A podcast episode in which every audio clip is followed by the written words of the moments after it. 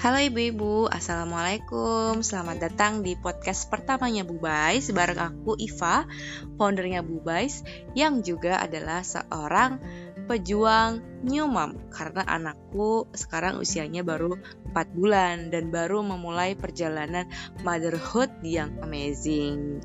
Nah di podcast kali ini Aku mau ngajak ngobrol temenku namanya Intan, Mama Haula yang keren banget nih udah mulai MPASI di usia lima setengah bulan dengan um, perjalanan yang cukup mulus sampai sekarang. Katanya sih karena behavior keluarganya yang udah bagus ya uh, di saat makan, makanya aku pengen ngobrol nih. Soalnya ibu-ibu sering banget uh, mengeluhkan masalah gerakan tutup mulut, sedangkan di uh, Bubai Stok pertama kemarin sama dokter Fauzia spesialis anak, beliau bilang kalau masalah uh, eh, GTM itu seharusnya bisa diatasi dengan cara makan dan behavior makan yang baik. Nah, halo Tan. Halo. Apa kabar di Jakarta? Alhamdulillah. Sehat-sehat semua. Alhamdulillah. Haula sekarang udah masuk 6 bulan atau belum, masih lima setengah bulan. Masih lima setengah bulan. Terus uh, MPASI-nya udah jalan berapa lama? Udah jalan hampir satu minggu lebih deh kayaknya. Wih, berarti mulai MPASI kan sebelum enam bulan ya? Mm, betul. Itu gimana tuh ceritanya? Soalnya kan jarang banget yang bisa MPASI sebelum enam bulan. Nah, Oke, okay. jadi aku tuh uh, udah apa ya melihat gelagat-gelagatnya Haula uh, dari umur 4 bulanan. Mm-hmm. umur 4 bulanan itu memang udah sering musuh uh, kuat gitu ya. Uh, bedalah sama waktu pas usia-usia 3 bulan. Jadi pas 4 bulan itu memang uh, intensitasnya cukup tinggi terus abis itu durasinya jadi lebih lama nyusunya terus uh, karena aku juga sudah membiasakan Paula untuk ikut makan, mm-hmm. makan gitu ya meja makan jadi uh, Hala udah apa ya melihat gitu ketika aku uh, makan di piring gitu terus habis itu uh, makanannya sendiri gitu kan. Entah itu pakai sendok atau pakai tangan di Hala aku bangku dan dia memperhatikan proses aku makan kayak gitu. Uh. terus uh, adab-adabnya juga gitu kan ngajarin dia cuci tangan terus habis doa dulu sebelum makan terus kasih tahu dia menu makanannya apa uh, pada saat aku makan gitu. Terus dia kenalin ini uh, cium deh baunya gitu kan. Oh, oh iya. baunya enak ya gitu. Itu hmm. aku mulai kenalin di usia 4 bulan. Nah uh, berjalan dengan waktu aku kenalin itu uh, karena dia memperhatikan mungkin ya jadi hmm. dia juga uh, mungkin terangsang tuh indera penciumannya gitu. Jadi udah mulai ngecap-ngecap terus kalau aku lagi makan dia uh, mulai ngeraih makanan yang ada di piring aku gitu. Terus habis itu kayak uh, apa namanya uh, karena mungkin aku sering uh, taruh dudukin dia gitu pada saat aku makan jadi dia juga sekarang udah uh, kepalanya udah kuat gitu untuk menahan uh, beban uh, dirinya sendiri yeah. gitu nggak terlalu loyo lah gitu uh, ketika didudukan gitu. Terus konsultasi uh, via WhatsApp uh, dengan dokter spesialis anak aku. Mm. terus dia juga nanya gitu anaknya udah bisa apa aja? Gitu aku ceritain oh kalau udah kayak gitu mah uh, coba aja dulu uh, dikenalin gitu kan dua kali sehari sorry pak dua kali sehari. Ya yeah. uh, apa namanya uh, dengan apa namanya uh, sekitar 2 sampai tiga sendok makan di uh, cicipin pelan-pelan uh, teksturnya juga cair dulu gitu mm -hmm. ajarin terus aku uh, lakukanlah penjuran dari dokter. Aku buat kayak bubur gitu terus dicampur sama ati dicampur sama apa namanya sedikit wortel sama brokoli. Mm. dia uh, mau empat bintang terus, gitu ya? Mm,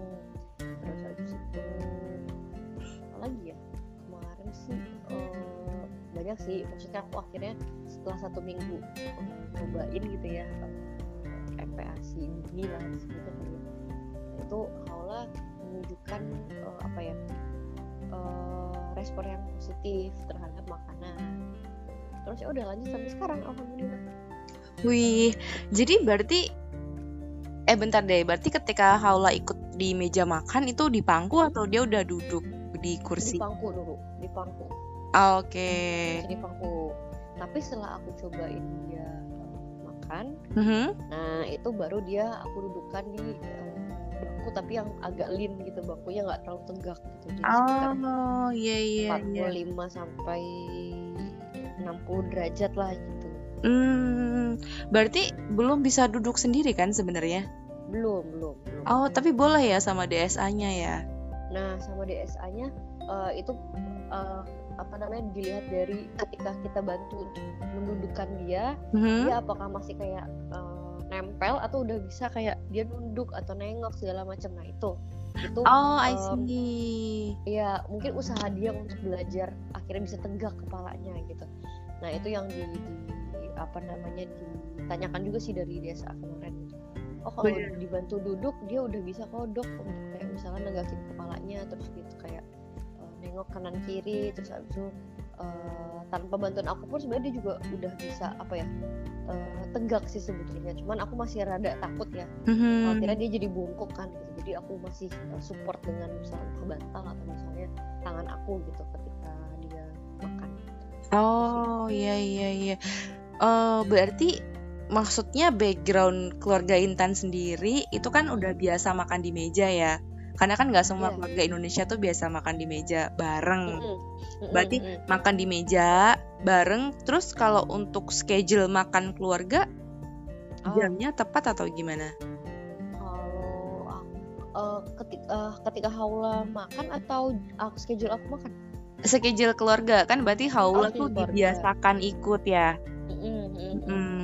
kalau sebenarnya kalau schedule aku makan dan keluarga aku makan sih beda-beda ya maksudnya kadang-kadang misalnya aku nyiapin makanan cuman eh, pada saat Haula usia 3 4 bulan aku masih di rumah mama Mm-mm. jadi eh, dia ikut makan ketika aku makan gitu Mhm. nah cuman pada saat ini nih eh, akhir-akhir ini kan aku udah sama suamiku gitu ya Mhm. terpisah sama orang tua gitu Mm-mm. nah aku usahakan kita makan bareng sebenarnya Hmm. Jadi pagi-pagi itu schedule-nya sekitar Haula tuh makan jam 7 sampai jam 8 di rentang itu karena itu dia eh, udah bangun dia bisa bangun kan jam 4 ya sebelum subuh tuh aku udah nggak aku nggak kasih dia susu. Biasanya jam 4 itu terakhir susu lah. Jam 4 setengah Mm-mm. jam 4 setengah 5 itu terakhir susu. Ya. jadi ada rentang waktu sampai dia makan tuh sekitar 2 jam setengah.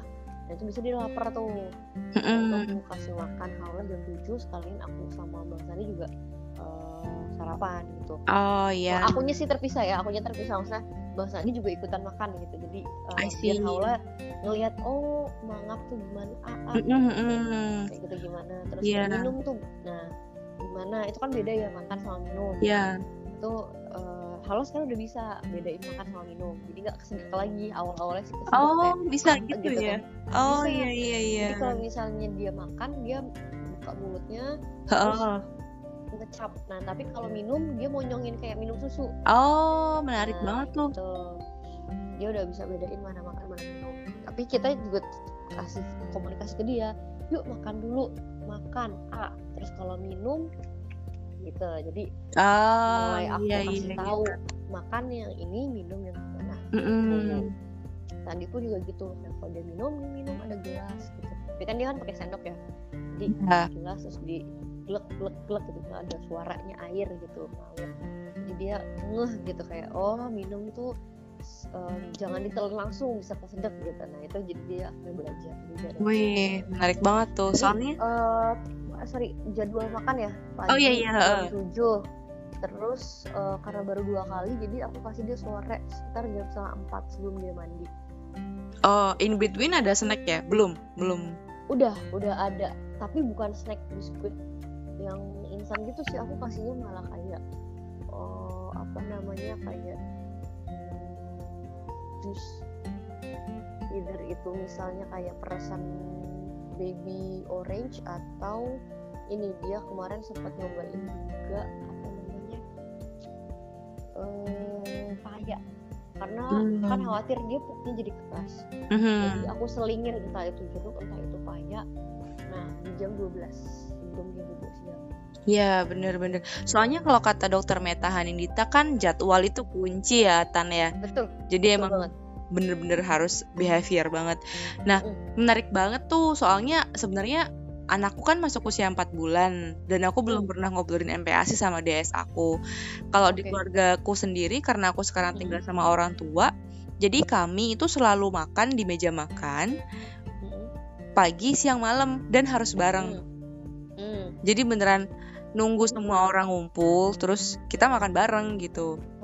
Dan memang di set up gitu kan. Jadi ada piring, sendok, gelas, makanan, nasi gitu. Nah, eh, saat anakku udah mulai bisa tegak itu mungkin sekitar 2-3 minggu yang lalu jadi kita selalu ngajak dia kayak faula gitu. Jadi kita pangku antara aku sama suamiku atau sama Eyang nanti gantian makannya. Nah, Jadi, iya. Heeh kan? Jadi misalnya aku pangku dulu nanti dia merhatiin orang makan nanti gantian mangkunya.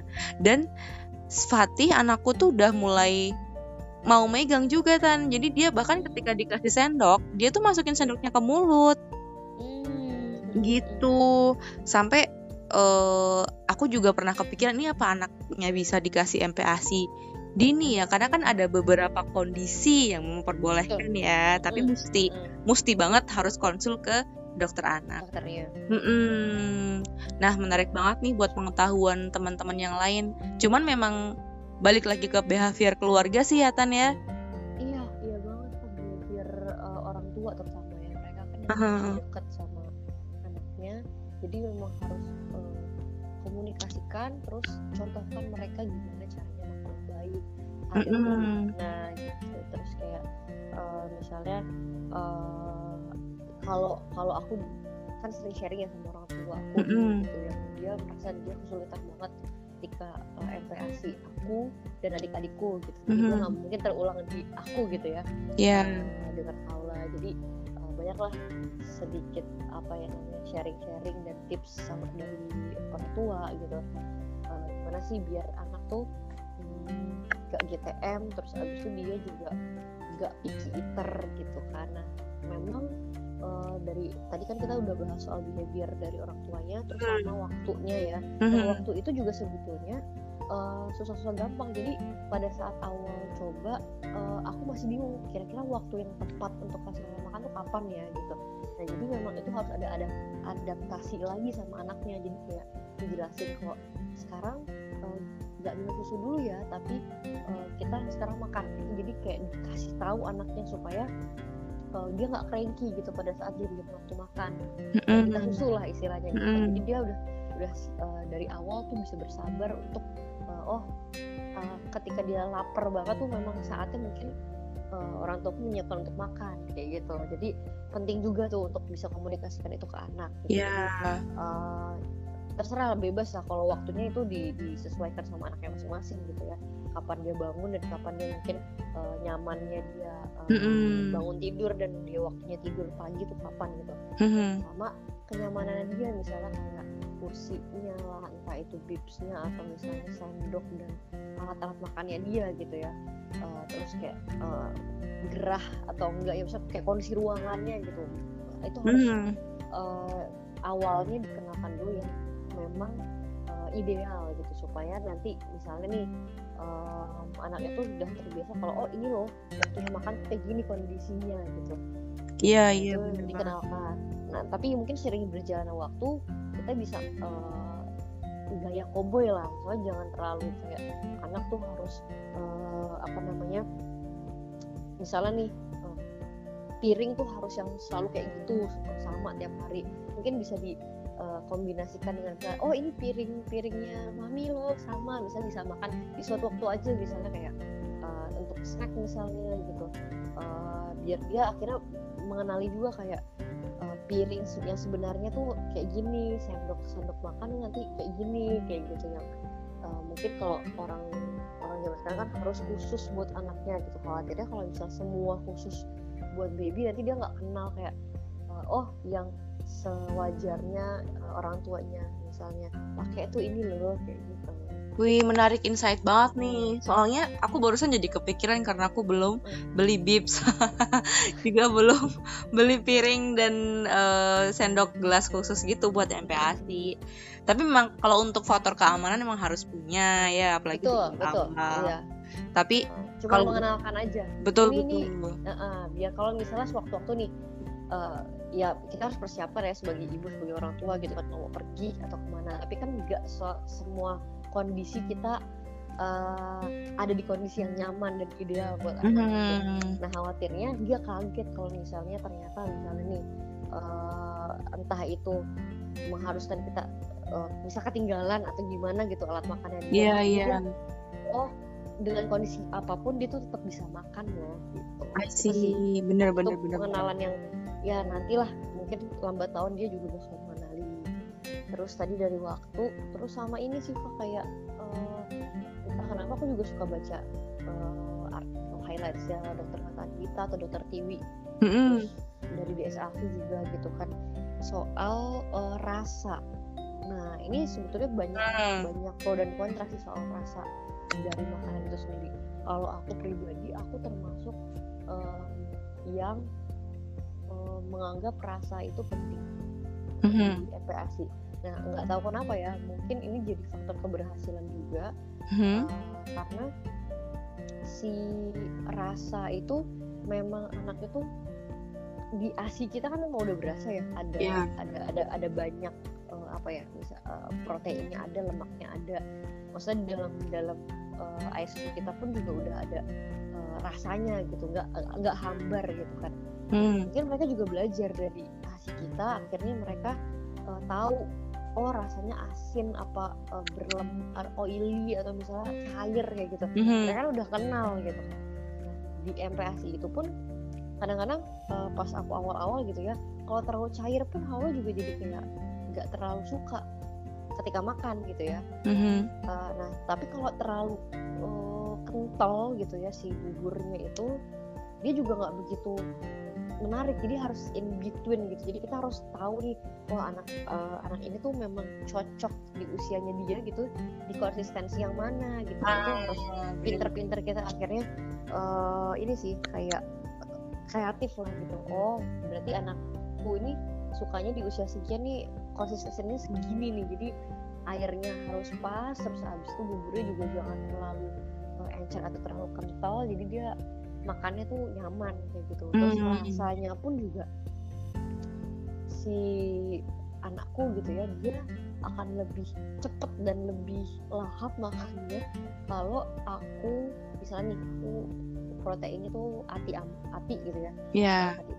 nah dia itu lebih senang kalau ditumis pakai bawang bombay sama bawang putih karena dia akan lebih uh, ada ada rasa apa ya umami flavor yang kayak gurih gitu kali ya nah kan kan kalau sekarang kan nggak nggak boleh terlalu banyak garam gula kan jadi aku yeah. biasanya siasatinya dengan tuh si bawang bombay buat agak biar jadi lebih manis sama bawang putih biar agak lebih uh, gurih gitu mm. nah, terus uh, ditambah mungkin kayak sayurnya yang manis-manis kayak wortel jadi nggak terlalu langu baunya gitu. mm, I see I see jadi mungkin uh, uh, apa ya rasa pun juga mereka harus bisa kita macem-macemin gitu kreasinya gitu. Nggak bener. mereka. Terus kayak airnya jangan air plain bisa kuah eh, nggak ada apa-apanya mungkin bisa dijadiin kaldu. Jadi kita rebus daging nah air kaldunya itu yang dijadiin kuah gitu biar dia uh, lahap lah gitu. Itu sih kalau aku kemarin belajar ya. Ya oh menarik banget tuh itu juga uh, sering banget diobrolin ya sama ibu-ibu apakah boleh nambah garam sama gula dan segala mm, -hmm. dan uh, boleh pakai bumbu apa kan basically sebenarnya boleh boleh dikasih garam sama gula kan tapi dengan kadar yang betul. Uh, uh, jadi DS aku kan uh, beliau itu subspesialisnya nefrologi jadi sering hmm. banget tuh nanganin anak-anak yang uh, infeksi saluran kemih atau bahkan uh, ginjal dan segala macam termasuk hipertensi.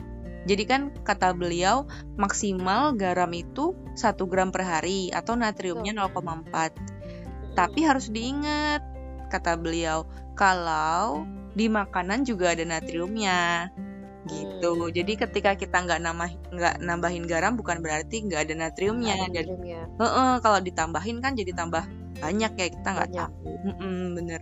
Hmm, terus memang ini juga sih kalau rasa palet rasa tuh depends ke kesukaan orang tua juga sih pasti ya. Ya nggak sih Iya. kalau nggak salah ada penelitian yang apa yang biasa dimakan ibu ya akan Si juga di, anaknya. Heeh, akan lebih familiar gitu. Tapi mungkin nanti kita bahas lebih lanjut yang masalah palet rasa itu ya. Soalnya menarik banget nih. Makanan MPASI itu kan makanan pendamping ASI. Iya. Berarti si makanannya itu selain behavior juga hal yang harus kita perhatiin banget. Gitu. BTW makasih banyak Tan eh, sharingnya. Ih, Semoga nanti bisa iya bisa manfaat buat ibu-ibu yang lagi siap-siap kayak aku juga nih sebenarnya. Jangan lupa sebetulnya satu Hmm? sih sorry nambahin pak satu sih gimana? kita harus punya trust uh, kepercayaan diri yang tinggi kalau misalnya MPS itu berkembang kok MPS itu nggak sehidup itu nah itu yang Hmm. harus ditanamkan dari awal karena Hmm. kalau kalau kita baca mungkin ya kalau kita belum pernah melakukannya misalnya anak pertama gitu ya Mhm. pasti kayak kikuk bingung aduh bener nggak ya ini takut ini itu dan segala macam karena ya anak tuh pasti bisa belajar yang penting kita sabar terus emang positive mind trust sama anak kita mereka juga pasti pinter untuk bisa uh, belajar Mantep banget nih. Trust sama diri sendiri, trust sama anak, Hmm. positif dan pastinya terus belajar juga sih ya, diupdate terus ilmunya biar betul betul biar percaya dirinya based on ilmu juga. gak kata gak kata eyang ya Iya iya. Eh, makasih banyak ya Tan BTW waktunya. Sampai ketemu lagi di eh, talk selanjutnya. Nanti semoga bisa ngobrol lagi sama Intan kalau ada Insya update dari Haula. terima kasih Iva Yoi, Udah ajak semangat. ngobrol. Yoi, semangat terus ya MPASI-nya. iya Dadah. Assalamualaikum. Assalamualaikum. Waalaikumsalam. Dadah.